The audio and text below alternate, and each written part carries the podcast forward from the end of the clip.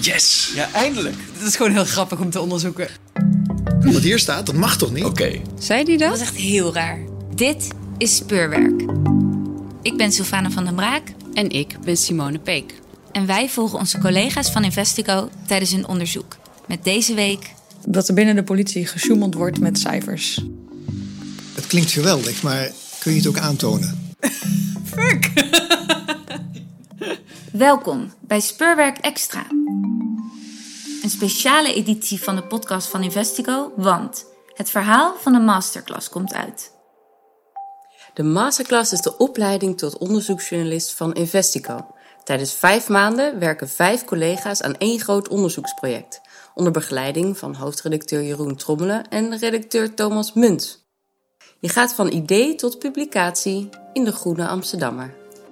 En dit jaar deden mee Jolanda van der Belt, Anouk Kootstra, Eline Huisman, Aldert Bergstra en Linde van der Pol. Ik ben Jolanda van der Belt en eh, ik ben dus in september in de masterclass van Investico eh, gekomen samen met vier anderen. Jolanda werd samen met vier anderen geselecteerd voor de Masterclass 2018. Aan het begin van het traject moet elke masterclasser twee onderwerpen aandragen. Jolanda schreef het winnende voorstel. En dat begon allemaal bij een gouden tip. Als journalist krijg je wel vaker, of het nou in de kroeg is of op familiefeestjes, weet je waar je eens over moet schrijven. En 9 van de 10 keer denk ik dan, ja, moh. Maar eh, ja, hier veer ik wel een beetje van op. Jolanda bleek heel veel politieagenten te kennen. Via via kreeg ik eh, van een agent een verhaal te horen. Hij zei tegen mij van heel veel misdrijven komen uiteindelijk niet in de registraties van de politie terecht. En hij zei, eh, al jaren wordt er gejuicht vanuit het ministerie dat eh, de criminaliteitscijfers zo dalen. En wij op de werkvloer, wij weten wel, daar klopt niks van. Hij zei, er wordt gemanipuleerd met die, met die cijfers. En ja, dat had gelijk wel mijn aandacht. Politie die, die, die moet misdaad aanpakken en opsporen. En ze zitten zelfs intern te sjoemelen met die cijfers. Maar ik had ook wel gelijk door um, dat het voor hem ook best wel uh, spannend was om iets erover tegen mij te zeggen. Want het is absoluut niet de bedoeling uh, binnen de politieorganisatie um, om dit soort dingen naar buiten te brengen. En hij vertelde mij ook gelijk al dat er een beetje een cultuur heerst binnen de, de politie. Als je kritisch bent, dan heb je eigenlijk binnen de politie niet echt meer kans uh, om carrière te maken. En toen zei hij ook wel van, nou ja, ik denk gewoon dat als ze zouden weten dat ik dit aan journalisten aan het vertellen ben, dat ik gewoon mijn baan kwijtraak. En ik zei echt zo, ja, maar op welke gronden raak je je baan kwijt dan? Hoe kan dat? Toen zei hij van, ja, dan vinden ze altijd wel iets en dat noemen ze dan plichtsverzuim dat je voor privé-doeleinden of zo het uh, politiesysteem hebt gebruikt. Ze vinden wel iets om je, om je dan eruit te werken. Ja, je hebt gelijk het, het idee van we hebben hier wel iets te pakken. Toen gingen jullie aan de slag. En hoe was dat? ja, ik kan echt niet anders zeggen dan dat het echt zo uh, goed ging uh, met deze club uh, van vijf hier samen aan werken. En in eerste instantie moesten we überhaupt grip krijgen op de, de politieorganisatie. En dus ja, hoe het werkt met het strafrecht, van een aangifte tot aan, aan de rechtszaal. Dat wist ik helemaal niet. Nadat het onderwerp gekozen was, kon het onderzoeken beginnen. Het belangrijkste was de schaal van het probleem in kaart brengen. Was dit één agent die dit ervaarde of zit het in het systeem? Kortom, hoe kom je van één zo'n tip tot een groter verhaal? Als je wil laten zien dat dit niet op één plek gebeurt of één ontevreden agent die dit ziet, uh, dan moet je het uh, laten zien uh, dat het op grote schaal gebeurt. En hoe doe je dat? Of je moet bewijs hebben van een soort van de beleidsnota van nou, vanaf nu maken we van alle woningenbraak vernieling en alle mishandeling is gewoon ruzie. Um, maar ja, grote kans dat die niet bestaat, uh, die beleidsnota. Of je moet uh, van heel veel agenten hetzelfde verhaal horen. De masterclass besloot er een enquête uit te sturen. Simone, jij sprak iemand die daar een grote rol in heeft gespeeld. Hoe hebben ze dat aangepakt? Nou, ze hebben contact gelegd met de Politiebond. Dat is een van de grote vakbonden voor politieagenten. En die heeft 25.000 leden. En die wilden meewerken. Die hebben die vragenlijst uitgestuurd naar hun leden. En er was iemand in de masterclass die hier een groot aandeel in heeft gehad. Wie was dat? Dat was Anouk Kootstra. Die heeft zich ontfermd over de enquête. Zij is uh, gepromoveerd politicoloog. En zij heeft veel ervaring met kwalitatief onderzoek, dus uh, zij heeft hier een belangrijke rol in gespeeld. En hebben ze daar van die 25.000 leden uh, die de enquête heeft bereikt, hebben ze daar veel reactie op gekregen? Ja, 1500 politieagenten of oud-politieagenten hebben gereageerd op deze enquête. Hun reacties bleken een goudmijn.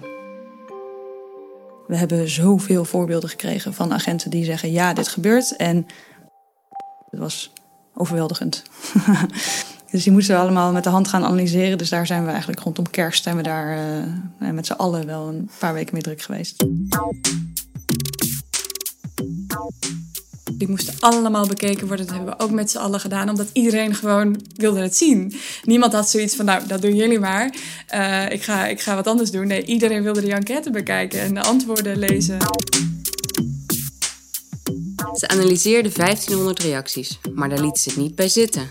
Wat we ook hebben gedaan is aan het einde van de vragenlijst hebben we uh, gevraagd aan agenten of ze er bezwaar tegen zouden hebben om verder met ons te praten, of ze dat uh, zouden willen. Er zijn in totaal ruim, volgens mij zijn 220 agenten die dat hebben gedaan.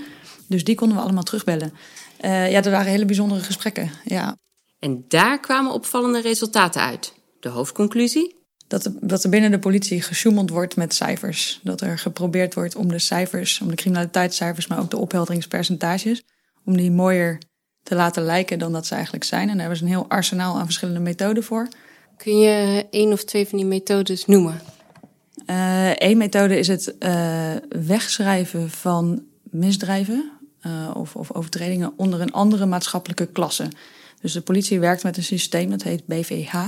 Ze noemen dat zelf bijzonder veel handelingen, maar het staat natuurlijk voor iets anders. Um, in BVH heb je 700 verschillende categorieën waar een misdrijf kan, in kan vallen. Je hebt straatroof of je hebt zakkenrollerij zonder geweld, zakkenrollerij met geweld. Het zijn allemaal verschillende dingen. Dat zorgt ervoor dat je een heel groot grijs gebied hebt tussen die verschillende categorieën. En uh, nou ja, wat de agenten ons vertellen is dat er vaak geprobeerd wordt om misdrijven in een lagere categorie te plaatsen. Omdat je op die manier goede cijfers kunt presenteren aan je chef. Dus het wegschrijven van, van misdrijven in een andere maatschappelijke klasse is dan één methode. Uh, een andere methode is ook het ophelderingspercentage. Daar wordt ook mee gerommeld. Dus je kunt uh, misdrijven uh, opgehelderd laten lijken, terwijl ze dat eigenlijk helemaal niet zijn. Het is niet alleen opzet. Soms is het ook onmogelijk om de misdrijven op de juiste manier te registreren. De ICT bij de politie werkt absoluut niet mee, of die werkt heel erg tegen. Politiemensen zeggen het is een, het is een kutsysteem, het is een gedrocht. Het registreren van een diefstal door een kind. Als een, als een kind een chocoladereep steelt, dan duurt het vijf uur om het in het systeem te krijgen. Er zijn zoveel agenten geweest in de enquête die zeggen: Ik hoop zo dat hier nu iets mee gebeurt. Um, agenten die zeggen: Ik hou er helemaal niet van om dit allemaal te zeggen. Maar we moeten de vuile was buiten hangen. Want de enige manier waarop er iets kan veranderen is als er van buitenaf druk op de politieorganisatie komt. Uh, dat er van buitenaf reden komt om, uh, om iets te veranderen. Want zelf kunnen we het blijkbaar niet. Nou ja, ik hoop met hen mee daarop. Een kutsysteem en dwingende chefs beïnvloeden de misdaadcijfers. Maar daar blijft het niet bij. De masterclassers kwamen een oude bekende tegen. Ik ben uh, Eline Huisman. Simone sprak Eline Huisman. Zij zocht het uit. Kun je iets vertellen over de bonnenquota? Want die was toch ja. afgeschaft? Uh, ja, dat klopt. De bonnenquota was echt zoiets. Het is een typisch voorbeeld waarvan iedereen zegt: ja, dit is doorgeslagen cijferdenken. We gaan de politie afrekenen op haar prestaties, die gaan we meetbaar maken. Uh, nou, wat is nou heel handig en heel makkelijk en overzichtelijk? Een bonnenquotum. Uh, dus je zegt, politieeenheid uh, X, we willen graag dat jullie zoveel bonnen per maand of jaar uh, schrijven. Want kunnen we zien dat jullie hard hebben gewerkt en bekeuringen hebben uitgeschreven. Dat had hele perverse effecten. Er zijn heel veel voorbeelden van agenten die dan een tijd lang moesten posten bij een rood licht. om maar zoveel mogelijk bekeuringen voor door rood licht rijden uit te schrijven. Dit bonnenquotum leverde weinig extra veiligheid op, maar wel veel bekeuringen voor kleine overtredingen. Onvrede hierover bereikte uiteindelijk de regering. In 2010 is het bonnenquota verboden door de toenmalige minister van Veiligheid en Justitie. Maar goed, we zijn nu al een aantal jaar verder en wij krijgen uh, van heel veel agenten te horen. Het houden aan bonnenquota is weer helemaal terug. Het is niet op papier, het wordt niet uh, ergens vastgelegd hoeveel bonnen je geschreven moet hebben. Want dat mag officieel niet, dus het moet ook niet terug te vinden zijn. Uh, maar dit is gewoon nog waar elk uh, beoordelingsgesprek over gaat. En uh, als jij niet genoeg bonnen schrijft, dan komt dat wel weer terug in je gesprek. Dus bonnenquota afgeschaft op papier, ja. Maar volgens veel agenten toch ook niet in praktijk. Ik hoorde dat je ook veel in Den Haag bent geweest. Ja. Voor het onderzoek. Kun je vertellen wat je daar uit gesprekken hebt teruggekregen?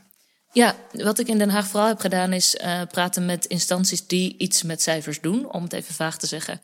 Concreter het CBS en het WODC die allebei met de politiecijfers werken, daar jaarlijks over rapporteren, uh, die ook de claims doen van de criminaliteit is weer gedaald met zoveel procent. Ik heb met hen gesproken over de bevinding dat politiecijfers onbetrouwbaar zijn. Niet alleen omdat wij zeggen dat agenten er zelf mee moeten manipuleren, maar ook omdat al eerder gezegd en beweerd is dat politiecijfers lang niet alle criminaliteit vangen. En het interessante was dat ze dan vaak toch zeiden: ja, goed, Um, we hebben wel allerlei slagen om de arm genomen en we zeggen ook wel dat het relatief is en iedereen weet dat cijfers beperkt zijn. Maar ondertussen draaien ze er wel rapporten mee die heel stellige uitspraken doen over de criminaliteit daalt. Uh, dus dat was wat we vonden. En waarbij je toch het idee krijgt dat er een soort van eilandjesdenken is. Uh, het CBS en het WODC zeggen eigenlijk, ja goed, dat die cijfers, dat het bronmateriaal niet klopt, die politiecijfers, dat is niet ons onderdeel van het werk. Dus wij doen de analyse en hoe we dat doen, dat is oké. De rapportenbouwers en rekenkamers trekken hun handen ervan af. Maar wat maakt het nou helemaal uit? Wat een agent tegen ons zei, wat een belangrijke consequentie is van uh, het blind staren op cijfers, of in ieder geval nogal nadrukkelijk op cijfers sturen, is dat je als agenten van de werkelijkheid vervreemd raakt, omdat je gestuurd wordt op de cijfers die politiek belangrijk zijn. Dus in plaats van te kijken wat er op straat gebeurt en daarop criminaliteit en veiligheid aan te pakken, wordt heel erg naar cijfers gekeken. En op het moment dat die cijfers zo'n klein deel van de werkelijkheid vangen, verlies je de, grip op de werkelijkheid. Ik hoop eigenlijk dat dit laat zien, of dat dit een beetje discussie gaat aanzwengelen. Uh, van oké, uh, misschien moeten we minder cijfermatig denken, minder soort van consultancy, afrekencultuur op basis van cijfers denken. En meer vertrouwen op ervaring van agenten. Uh, wat zien zij? Een opener blik houden. En ik hoop heel erg dat Haagse instanties zich gewoon meer achter de oren gaan krabben. En misschien een beetje meer gaan denken: ja, de rapporten die we publiceren, die hebben maatschappelijke impact. De politiecijfers zijpelen overal in door. Zijn er nog meer ongewenste effecten? Ja, zeker. Um, op het moment dat je de misdaadcijfers uh, kunstmatig laag houdt, betekent dat eigenlijk dat er nog minder mensen nodig zijn. Je zegt het is veiliger, er zijn eigenlijk minder politieagenten nodig. Wat betekent nog minder capaciteit en nog minder tijd voor die registraties. Zo komen ze eigenlijk in een visueuze cirkel terecht. Gisteren uh, hebben we het stuk, uh, de definitieve versie, ingeleverd bij de Groene Amsterdammer. En hoe voel je je die nu? Want je hebt natuurlijk keihard gewerkt om dit af te krijgen. Ik ben heel moe. Gisteren dacht ik echt even van, oh ja, wat moet ik nu doen? Er is gewoon geen stuk meer uh, waar ik aan moet werken. Er is geen rapport meer wat ik moet lezen. Er is even geen agent meer die ik moet bellen. De masterclassers zijn klaar. Je kunt het hele verhaal nu lezen in de Groene Amsterdammer of op de website van Investico. Bedankt voor het luisteren. Dit was Speurwerk Extra. En tot de volgende keer.